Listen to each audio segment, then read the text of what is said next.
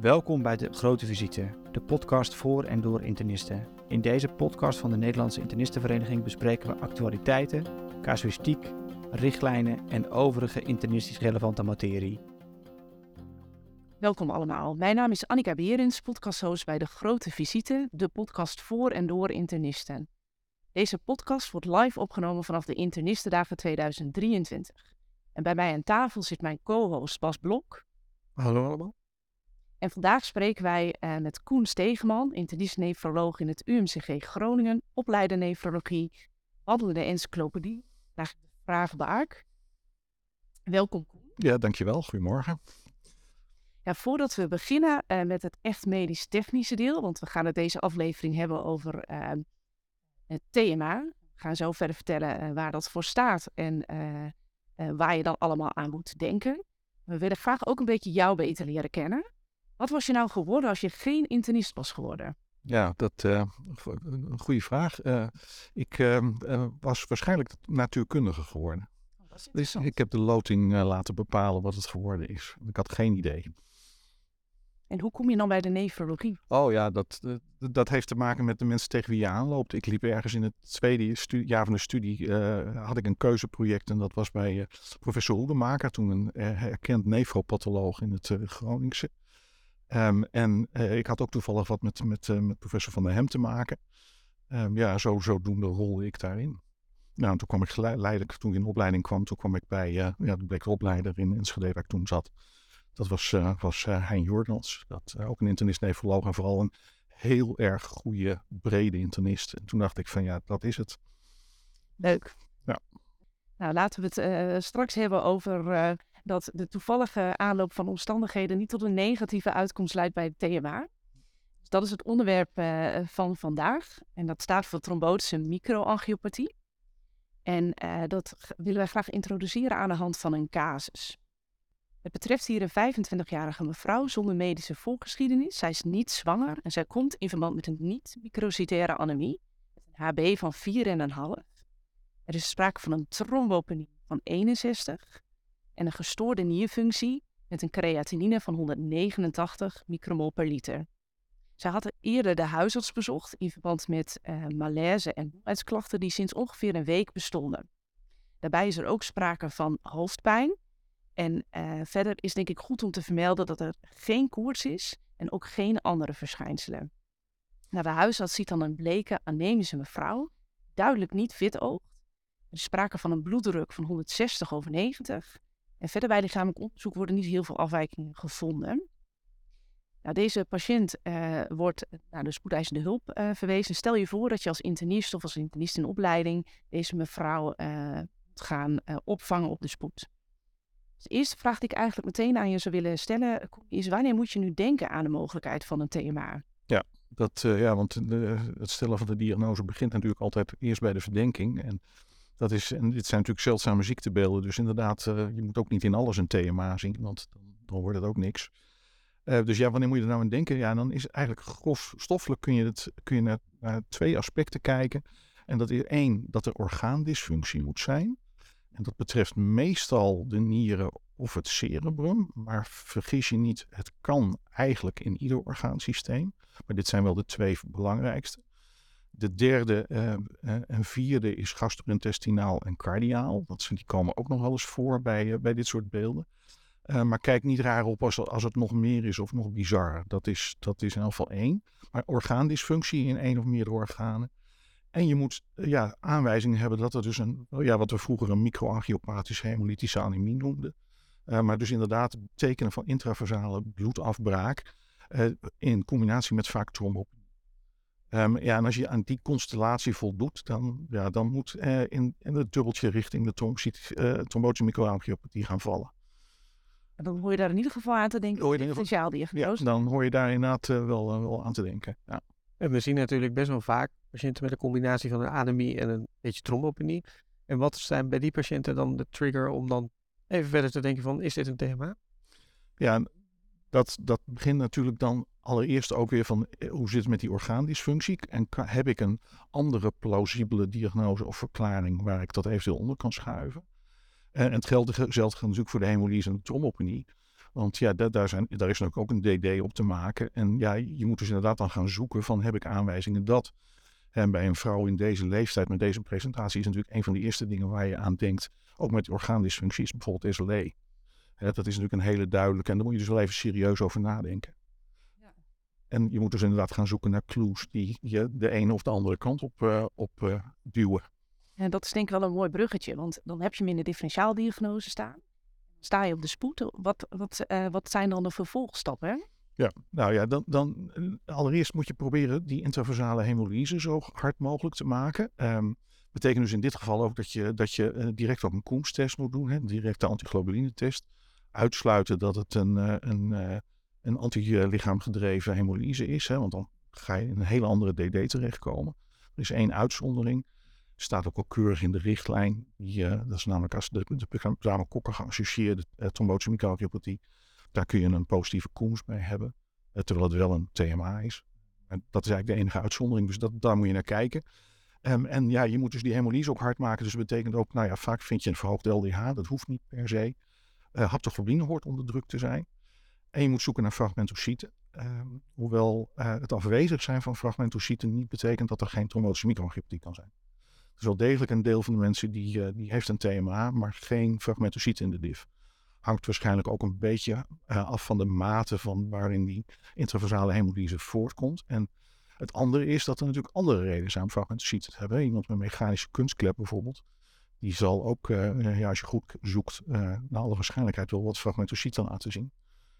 Dus het is, het, is, het is wel behoorlijk sensitief, maar niet helemaal. En het is ook behoorlijk specifiek, maar niet helemaal. Dat, uh, dat, dat is waar je moet gaan zoeken. Um, en ja, als je dan inderdaad zeg maar de andere diagnoses hebt afgestreept, ja, dan, dan moet je dus concluderen dat dit een TMA zou kunnen zijn. En dan moet je dus vervolgens op zoek gaan van ja, maar op basis waarvan dan? Want een TMA is niet iets wat, uh, laten we zeggen, van zichzelf bestaat. Daar, komt, uh, daar, daar zitten dingen bij. Ja, nog even terug te komen op die fragmentocyten. Uh, misschien ook voor de luisteraars en opleiding. Want een fragmentocyte is eigenlijk een kapotte erytrocyte. En hoe krijg je nou die fragmentocyten bij het TMA? Hoe ontstaan die nou eigenlijk? Ja. Het idee is dat dat komt doordat uh, de TMA is in, in feite in de microcirculatie het ontstaan van trombi. Uh, en die trombi die ontstaan uh, doordat de balans tussen zeg maar aggregatie van trombocyten en stolling en het endotheel met de antistollingswerking verstoord is lokaal. Um, en het idee is dat je daar dus een mechanische verandering van die, van die vaatwand mee krijgt. En dat de, de erytrocyten die daar langs geperst worden, als het ware, uh, kapot gaan. Door de, door, door ja, ook tegen de uh, dingen waar ze tegenaan lopen en dergelijke. Trombinedraden en, en, en eventueel de, de, plaatjes en dergelijke. Maar dat het dus echt een mechanische oorzaak is van, van het kapotgaan van erytrocyten. En dat kun je dan dus inderdaad zien in het diffje. Dus wat je eigenlijk zegt is van um, een werk uh, in de lijn van de differentiaaldiagnose, uh, nou, je anamnese en je lichamelijk onderzoek verder uit en zet dan ook gericht diagnostiek in. Ja. TMA is dat met name die kenmerken van de TMA eerder genoemd zijn, waaronder trombocytopenie, maar ook uh, de microangiopathische hemolyse, om die verder te verstevigen. En dat doe je onder andere door de fragmentocyten, maar ook het haptoglobine in te zetten. En je kijkt dan en je brengt ook die orgaandysfunctie verder in kaart. Nou, als je dan uh, toch richting de TMA gaat, en vanwege de tijd beslissen we nu bij deze uh, hè, dat, dat we richting de TMA gaan, uh, dan ben je er eigenlijk nog niet, hè, hoorde ik je net zeggen. Want een TMA is geen einddiagnose en heeft ook op zichzelf weer een hele differentiaaldiagnose. En misschien is het wel goed om daar nog even goed specifiek het rijtje van te noemen voor de luisteraars die daar niet dagelijks mee te maken hebben. Ja. Ja, ik, ik, uh, om te beginnen zou ik iedereen die in deze situatie gezweld raakt willen aanraden om de, de richtlijn uh, van de NIV erbij te pakken. Die op basis van de Vereniging van Hematologie en de Federatie van Nefrologie is samengesteld in 2021. daar staan een aantal hele handige dingen in en ook rijtjes waar je naar moet kijken. dus pak die erbij, want dat maakt het leven aanzienlijk makkelijker. Um, en als je dan gaat kijken, dan zul je zien dat, um, en er staat een hele belangrijke figuur, dus figuur 2 in die handleiding. Daar, uh, daar staat eigenlijk centraal trombotische microangiopathie in het, in het midden. Um, en ja, dat, dat is de uiting van het beeld. En er staan een heleboel vakjes en pijlen omheen. Want dat betekent dat er dus een heleboel factoren zijn die kunnen bijdragen aan het ontstaan van die TMH. En ook het uh, op zich weer in stand houden van het thema. Want het lijkt erop alsof de trombosemieke is niet alleen een beeld wat één keer ontstaat, maar het lijkt op een soort rollende steen die van de berg afkomt, die zichzelf onderhoudt als een soort vicieuze cirkel. Waarbij dus allerlei factoren een rol gaan spelen. Dat is ook heel belangrijk voor de behandeling. Nou, dan zul je zien dat in, die, in, in, die, in dat schema zie je dus een heleboel oorzaken zijn. Je kunt het grofstoffelijk opdelen in vier groepen. Um, iets wat we klassiek de TTP noemden, de trombotische trombocytopenische purpura, vroeger ook wat syndroom van Moskowitz geheten. Um, wat ja, klassiek um, een klinisch beeld was met een trombotische microalgioptie met vooral cerebrale verschijnselen. Um, en veel minder uh, renale verschijnselen. Maar dat lijkt in de praktijk niet altijd zo te zijn. Uh, ja, en daarvan weten we nu dat dat eigenlijk altijd berust op een tekort aan het ADAMS TS13-enzym wat verantwoordelijk is voor het afbreken van de grote uh, van Willebrand uh, multimeren. Um, en als dat defect is, krijg je dus verhoogde trombocyteaggregatie in de microcirculatie en het TMA-beeld. Uh, daar is dus heel duidelijk één, één, één pathogenetische oorzaak waar je naar op zoek moet. En dat betekent dus ook dat op het moment dat je aan een TMA denkt, stap 1 is het regelen van de spoedbepaling voor ADAMS TS13. Um, dus dat moet je, moet je zonder meer doen. En dat is ongeacht waar je in dat spectrum zit. Ja, tenzij je zo zeker bent dat het dat niet is, omdat je een, bijvoorbeeld een hele goede andere reden hebt waarom het er is, maar daar kom ik zo meteen nog op, uh, dat, dan, dan kun je het weglaten. Maar in principe moet je het doen. En misschien is het wel goed om de luisteraars mee te nemen om heel even als kapstok dat hele rijtje te noemen. En dan kunnen we er misschien zo nog uh, even wat dieper uh, per onderdeel op in. Ja, de, de, de, de tweede waar je, zeg maar wat onder de primaire vorm van de traumatische microagressie, dat is dan wat we ja, de, de atypische HUS noemen, hemolytisch uremisch syndroom. Um, dat, dat is ook een klinisch beeld, gekenmerkt door traumatische waarbij vooral de renale functiestoornissen op de voorgrond staan. Nou, je begrijpt al met de discussie die we net hadden, dat het best lastig is om de eerste en de tweede uit elkaar te krijgen. Ook omdat we weten uit ervaring dat een flink deel van de mensen met een atypische HUS ook wel degelijk cerebrale verschijnselen heeft. Dus ja, daar ga je al. Um, daar is het wat lastiger wat betreft de pathogenese. Bij een deel van die mensen vind je uh, afwijkingen in het complementsysteem genetisch dan wel verworven, meer genetisch dan verworven over het algemeen. Uh, maar daar kun je in de acute fase eigenlijk niet zoveel mee. De, daar is geen spoedbepaling voor waarmee je op dat moment duidelijk kunt maken. Je moet daar wel een aantal dingen voor inzetten. Dat staat ook weer keurig in die handleiding. Uh, maar daar, daar kom je even niet zoveel verder mee. Dan is de derde groep waar je tegenaan komt, dat is de infectiegerelateerde uh, trombotische microangiopathie. En klassiek voorbeeld daarvan is natuurlijk wat we de, de stekhus noemen. Misschien kennen we het nog wel van de grote epidemie in Duitsland met fenugreekzaden en de E. coli met nummerbord, die, uh, die uh, dan vaak voorbij komt. Dat was in dat geval de O104, maar er zijn er een aantal meer. 157 H7 is eigenlijk de bekendste, die komt in de veestapel nogal voor. Uh, ja, en mensen die dus inderdaad een infectie met die E. coli doormaken.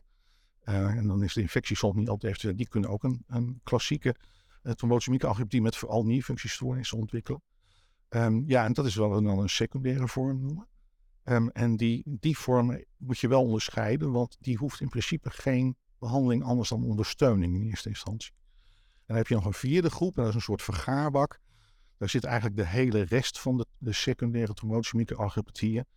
Um, ja, en dan moet je denken aan medicatie. Um, uh, ant, uh, heet het, met name calcinurine-remmers zijn er onberucht bijvoorbeeld. Er zijn er veel meer. Een aantal middelen die in oncologie worden gebruikt. Um, aggregatieremmers, clopidogrel onder andere, ticagrelor, daar is het wel bij beschreven. Um, en dat is dus een enorme waslijst aan potentiële bronnen. Um, en daar valt bijvoorbeeld dus ook de maligne hypertensie onder. Wat natuurlijk ook nog een belangrijk is. Dat is denk ik wel een goede die je dan noemt. Want uh, als je heel uh, kritisch kijkt en uitgezoomd. En dan uh, zou je ook bij een dergelijke kaas kunnen zeggen: Goh, is dit dan geen maligne hypertensie? En wanneer weet je nou of het een oorzaak of het gevolg is, zeg maar. Hè? Want uh, dat vind ik nog best wel een lastig op de spoed. Wat zou jouw advies daarin zijn? Ja, dat is de bekende kip-en-ei discussie. Want uh, uh, bijna iedereen met een trombotische microangiopathie presenteert zich ook met een hypertensie. dus je zult zelden tegenkomen dat je niet beide aanwezig hebt. Um, en dan is inderdaad de grote vraag van, ja, wat was er eerder? Um, hypertensie is zonder meer een gevolg wat heel goed bij een trombotische microangiopathie kan passen. Dus het hoeft helemaal niet primair te zijn. Dus ja, dan moet je gaan, gaan zoeken naar de, de, de aspecten die maken dat je denkt van ja, die, die hypertensie was er meer. Nou, dat betekent dus dat je als je op het moment dat je twijfelt, moet je denk ik een fundoscopie doen. en moet je kijken of je toch een hypertensieve retinopathie. En dan eigenlijk als je dit full-blown beeld hebt, dan wil je eigenlijk wel een graad 3 of 4 zien. Ehm, dat maakt het een stuk aannemelijker dat, uh, dat inderdaad de hypertensie uh, een rol speelt. En ja, voorgeschiedenis speelt natuurlijk een belangrijke rol uh, daarin. dus je kunt ook nog kijken van, goh, vind ik tekenen bijvoorbeeld, als iemand een forse ventrikelhypertrofie of iets dergelijks heeft, ja, dan gaat dat natuurlijk veel meer richting de hypertensie pleiten of een onderliggende nierziekte. Dat is daar aanwijzing voor. Ja, het klinkt dus eigenlijk dat er van al die verschillende oorzaken voor die thema eigenlijk maar één is waar we een specifieke test voor hebben, namelijk de Adam TS13. Uh, nou ja, dus als je die hebt gedaan en die is het niet, dan is het daarna dus eigenlijk op basis van het klinisch beeld en een beetje de omgevende factoren, welke medicatie is er, dat je uiteindelijk tot de werkdiagnose moet gaan komen? Of zijn er nog echt andere specifieke testen die we altijd moeten inzetten? Uh, nou ja, je, je, moet een aantal dingen inzetten, ook omdat op het moment dat je besluit tot het geven van therapie, een aantal van die testen niet meer mogelijk zijn. Hè, dus met name het complementsysteem. Um, ook daarvan staat weer een keurig rijtje in die richtlijn. Uh, maar belangrijk is inderdaad, uh, nou ja, in dit geval, we wisten al dat deze patiënt niet zwanger was. Maar een van de dingen, zwangerschap kunnen, zwangerschapscomplicaties met name, kunnen natuurlijk een beeld geven wat hier ook sterk op lijkt. sterker nog, zwangerschap kan ook een hele goede uitlokker voor een traumatische microangiopathy zijn. dus dat, dat, dat is ook, maakt het ook nog eens lastig. Dus daar moet je zeker naar kijken. Je moet, vind ik eigenlijk ook, en dat staat ook in dat rijtje standaard, eigenlijk bij iedereen tenminste de features nakijken op de aanwezigheid van die E. coli met, met Zika-toxine. Daar is tegenwoordig PCR voor. Daar kun je ook, laten we zeggen, vrij snel een antwoord op krijgen. Veel is alleen dat als je hem aantoont, dat dat niet automatisch wil zeggen dat dat ook de oorzaak is. Maar goed, het maakt het natuurlijk wel gelijk een heel stuk aannemelijker. Zeker als er ook nog een anamnese aan vooraf gaat met een gastroenteritis of iets dergelijks. Um, en je moet, uh, je moet natuurlijk even gaan nadenken of je een reële DD hebt met auto-immuunziektes.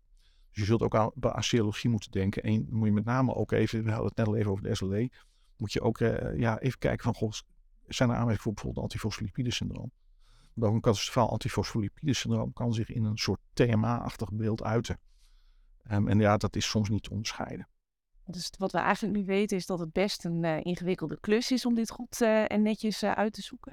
En wat ik je ook hoor zeggen is dat TMA inmiddels de gangbare overkoepelende term is. En dat we eigenlijk dus ook niet meer zo spreken van een HUS of een TTP of alles wat daaronder hangt.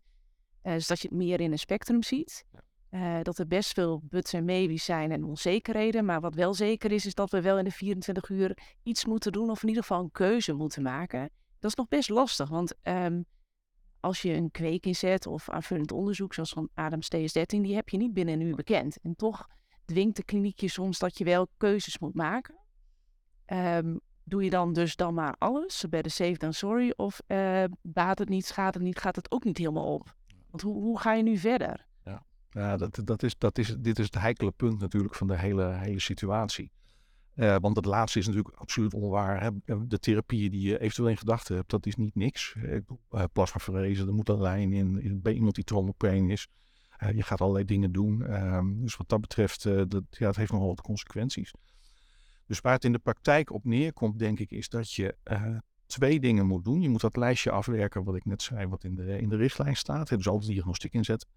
En ik zou, uh, zeker als je niet echt uh, bekend bent met het beeld, ik zou raad zoeken bij iemand die wel wat vaker met het bijltje heeft gehaakt.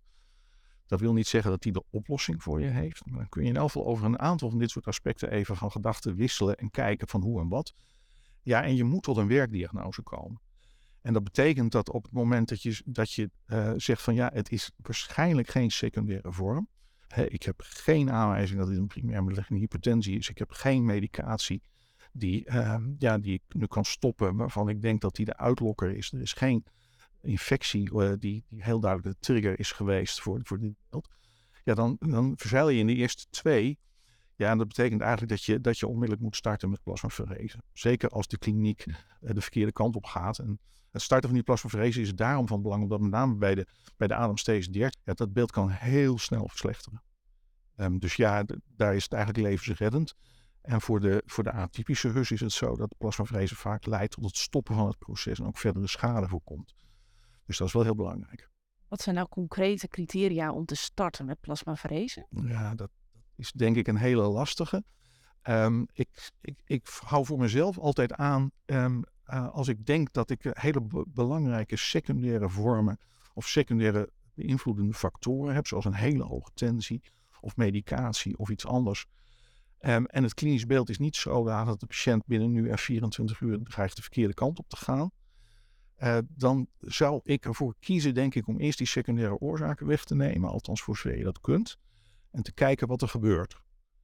Uh, maar niet langer dan 24 uur en daarna opnieuw bedenken van, is dit voldoende, kom ik hiermee weg of moet ik toch nog weer gaan plasmaffereren?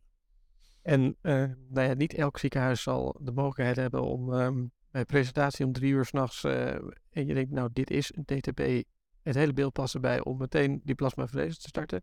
Zijn er nog andere dingen die we in de tussentijd kunnen doen om de boel wat te temperen voordat we die plasmafferese daadwerkelijk hebben opgetuigd? Ja, uh, je moet sowieso, los van of het wel een, primair is of niet, moet je die secundaire bijdragende factoren behandelen. Dus als iemand flink hypertensief is, behandel het. En behandel het ook agressief. En streef ook naar een lage tensie. Dus zo jong iemand als van deze casus bijvoorbeeld. Ja, dan moet je niet, niet eerder tevreden zijn dat je die tensie op pak een beetje 120, 70 hebt. Um, en, uh, en desnoods maar met labetal, IV of wat dan ook. Kan me niet schelen hoe, maar dat ding moet naar beneden. Want het is een onderhoudende factor. Um, en je kunt, als de situatie het toelaat, uh, besluiten om plasma te infunderen. Maar goed, dat kan natuurlijk alleen maar bij een plassende patiënt die niet overvuld is en gedecompenseerd en dat soort dingen. Uh, bedenk daarbij wel, wel dat plasma-infusie vele malen minder effectief is dan plasmaverrijzen. Het is dus inderdaad een labmiddel voor, om, tijd te overbruggen. Lijkt het uh, gemakkelijk alsof je secundaire oorzaken of bijkomende verschijnselen makkelijk kan attackeren, maar dat, dat is vast niet altijd zo. En want als je kritisch naar het lijstje uh, kijkt, en zoals net ook al even genoemd, hoort daar ook een, een, lijst met medicatie bij. Mensen krijgen vaak niet voor niks medicatie. Met name als je het hebt over uh, suppressieve medicatie, bijvoorbeeld na een transplantatie. Kan ik me voorstellen dat dat toch wel een beetje spannend is om dat zomaar te stoppen of om te zetten. Ja. Dat je soms ook een beetje in een catch-22 uh, zit. Ja, ja dat, dat is absoluut waar. Bovendien, de alternatieven die je vaak in die situaties hebt, daar, daar is ook bij beschreven dat het trombose kan geven. We weten uit ervaring dat uh, met name hij als even ons beperken tot de calcinurinieremmers, wat natuurlijk een belangrijke backbone van de suppressieve therapie bij uh, transplantaties is. Um, dat uh, het kan zijn dat je op het ene middel, bijvoorbeeld tacrolimus, wel een, een TMA ontwikkelt en op de cyclosporine niet. Dus je kunt in geval van nood ervoor kiezen om het om te zetten. Maar goed, op cyclosporine is het wel degelijk ook voorkomen. En de, weg andersom, cyclosporine naar tacrolimus komt ook voor.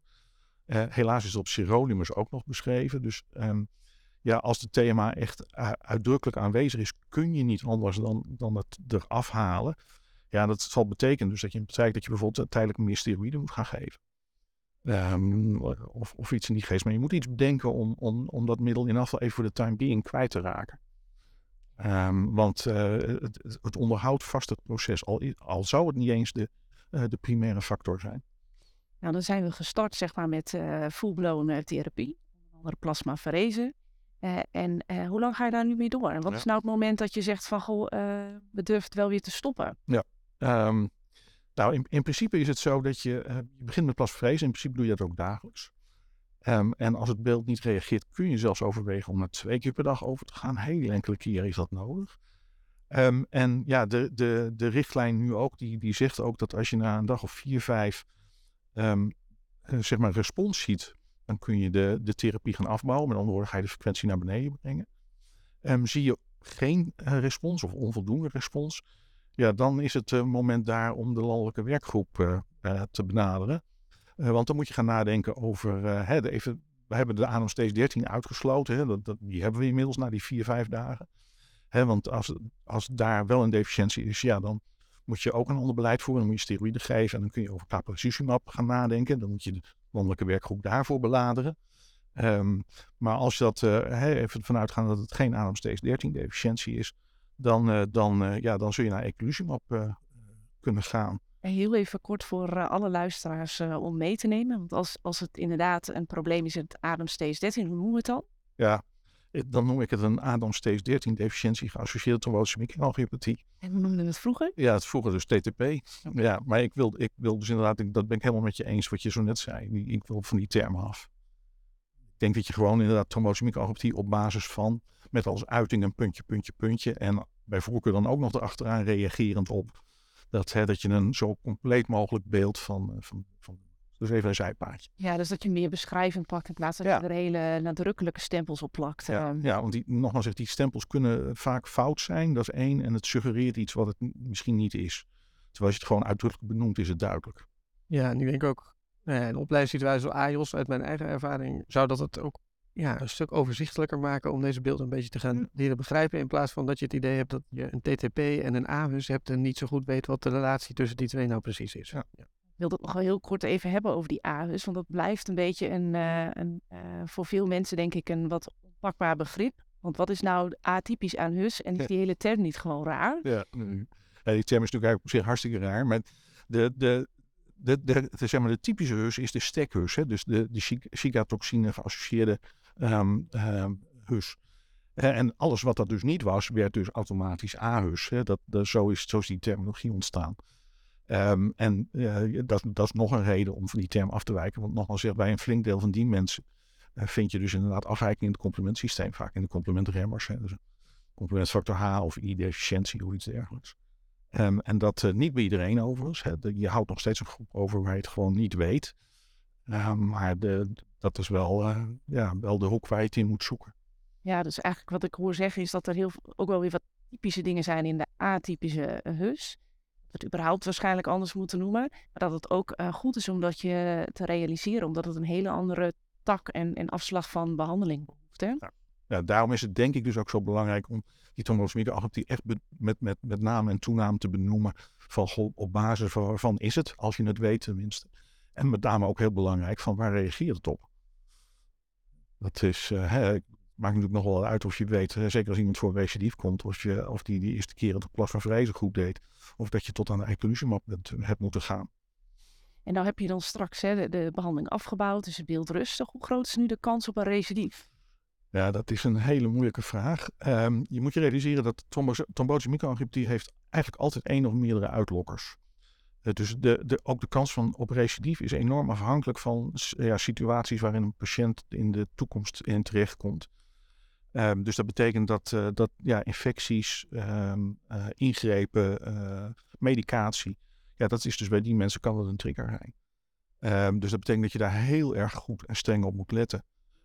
En ja, bij een, deel van de mensen is het risico hoog. Aan de andere kant, hè, deze patiënt ook, deze, deze 25-jarige patiënt, die bleek achteraf inderdaad, had overigens ook een positieve familieanamnese, dat maakt het nog wat makkelijker. Maar die bleek inderdaad een complementfactor deficiëntie te hebben.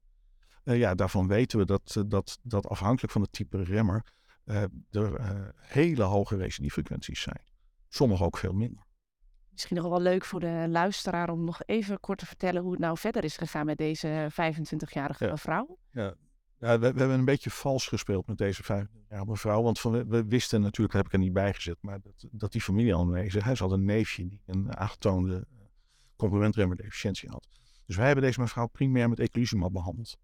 Dat gaat ook in de aangepaste nieuwe richtlijn. eh, gaat dat, eh, gaat dat eh, opgenomen worden. Hè, dus je een hele sterke verdenking hebt op een, op een complementremmer eh, geassocieerde TMA, dat je gelijk naar de eculizumab mag grijpen. En ze heeft prachtig gerespondeerd. Tensie werd normaal, nierfunctie werd normaal en verder, verder ging het prima. We hebben alleen nooit ach- kunnen achterhalen wat nou de trigger bij haar geweest is. Dus het doelgericht behandeld in plaats van Ja. plasma verwezen. Met die plasmafrezen koop je in feite tijd. Hè? En soms is dat voldoende. Hè? Er zijn ook een aantal mensen waarbij je er gewoon mee wegkomt en, eh, en dan hoef je ook niet meer te doen. Maar bij een deel moet je inderdaad naar specifieke therapie. Ja, en wat eigenlijk ook duidelijk is, is dat ondanks dat je zeg maar een genetische predispositie hebt, er blijkbaar dus altijd ook nog een trigger nodig is om het te luxeren. Ja, nou, sterker nog, niet iedereen met genetische predispositie krijgt ook een thema. Dus er zitten waarschijnlijk nog een aantal factoren bij die we niet kennen of niet goed in beeld hebben. En triggers is daar één van. Hè. Je kunt je natuurlijk voorstellen hoe, hoe harder de trigger, hoe eerder het eh, tot, tot, tot uiting komt. Ja, en nogmaals er zijn ook nog steeds mensen bij wie eh, het beeld voorkomt zonder dat we zo'n onderliggend probleem vinden. En desondanks gebeurt het. Helder, maar we gaan richting het einde van deze podcast. Koen, eh, wat wil jij nou de luisteraars echt op het hart drukken en meegeven als afronding van deze casus en dit onderwerp? Ja, ehm, nou, ik denk een een paar punten. Eén, inderdaad die terminologie. Benoem het als trombotische microangiopathie op basis van eh, en eventueel geluxeerd door met als uitingen enzovoorts en reagerend op. Dus beschrijf het beeld zo duidelijk mogelijk. Ehm, vergeet daar dus inderdaad ook de manifestaties en, en de therapie niet bij. Ehm, en het tweede is, en dat is misschien wat het allerbelangrijkste, is maak gebruik van de kennis van anderen. Kennis staat voor een deel in die richtlijn. verzuim niet om die te pakken, maar grijp anders ook de telefoon. Um, ja, en die landelijke werkgroepen die zijn er ook niet voor niets. Daar kun je ook terecht. Um, want het, is en blijft een heel bij tijden bizar, maar vooral ook lastig ziektebeeld. Dankjewel. Dankjewel Koen ook voor het delen uh, van je kennis en het aan tafel schuiven hier. Uh, dankjewel aan de luisteraars voor het luisteren naar deze aflevering van De Grote Visite. Een podcast van de Nederlandse Internistenvereniging. En wil je weten wie deze podcast maken? Kijk dan op www.degrotevisite.nl om kennis te maken met onze podcastredactie. De technische productie van deze podcast is in handen van Met Online, dus ook dank aan Met Online. Abonneer je op de grote visite via de favoriete podcastkanaal, zodat je geen aflevering meer mist. En deel deze podcast vooral ook met je collega's.